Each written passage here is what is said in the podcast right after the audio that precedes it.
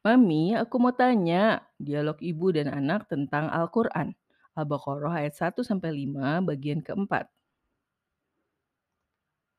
Kemarin kan Mami janji membahas tentang kaitan antara mengimani kegaiban dengan menginfakkan rejeki. Iya kak, kakak sudah paham kan kalau infak itu menghabiskan dan rejeki adalah semua hal yang mensupport hidup kita. Mengapa kita harus menghabiskan rezeki, Mami? Banyak orang yang salah kaprah dengan infak. Mereka pikir infak itu sebagian saja.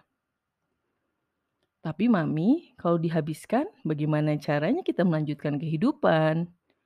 Justru ini yang menarik dari konsep infak. Setelah mengambil secukupnya, sisanya dihabiskan. Karena kita paham seluruh kehidupan ini adalah kegaiban. Gimana maksudnya Mami? Memangnya rezeki datang dari mana, Kak? Dari menanam, berburu, atau bekerja pada orang? Kalau kita diam saja, bisa tidak ada orang yang tiba-tiba memberi makanan? Bisa lah, Mami.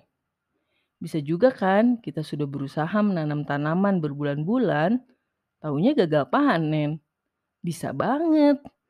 Nah, itulah makna bahwa rezeki juga adalah sesuatu yang tidak kita tahu, sebuah kegaiban. Oh, begitu maksudnya kaitan rezeki dengan kegaiban. Jadi, kalau kita paham bahwa rezeki itu adalah hal yang gaib, maka tentu kita semestinya mudah untuk melepaskan rezeki, semudah kita mendapatkannya. Lah, tapi Mami, kadang kan rezeki juga sulit sekali diraih. Berapa banyak orang yang mati karena kelaparan, Kak? Hmm, pasti ada sih. Tapi berapa banyak? Karena Tuhan menjamin rezeki setiap manusia. Selama orang itu ditakdirkan hidup, rezekinya pasti dijamin. Walaupun kita menghabiskan rezekinya. Penjelasan detil tentang infak banyak dibahas di ayat-ayat selanjutnya. Kali ini kita cukup memahami korelasi antara mengimani kegaiban dengan infak. Baiklah Mami, aku mulai paham. Sip. Ayo Kak, kita lanjutkan ke ayat 4 surat Al-Baqarah.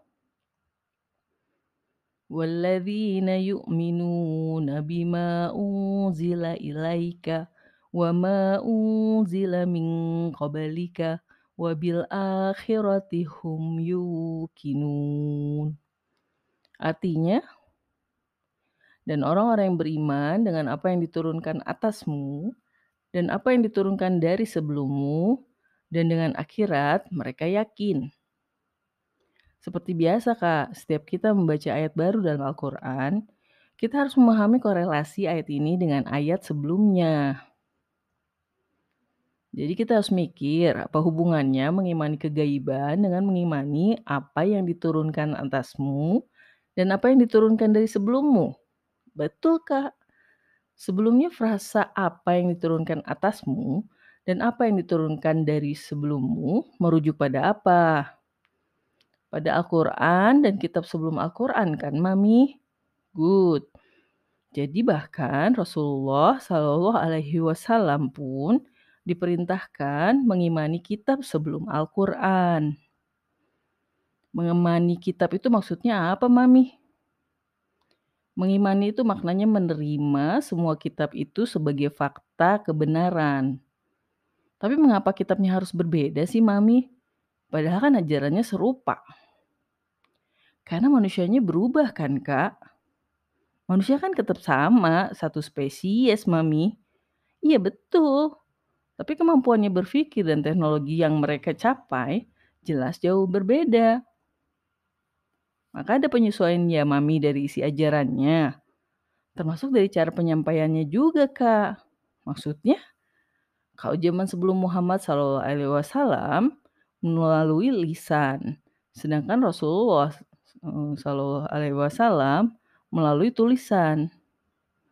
Tapi kan sama-sama disebut kitab. Iya, karena kitab itu maknanya ketetapan-ketetapan, bukan melulu bermakna buku. Oh gitu ya Mami.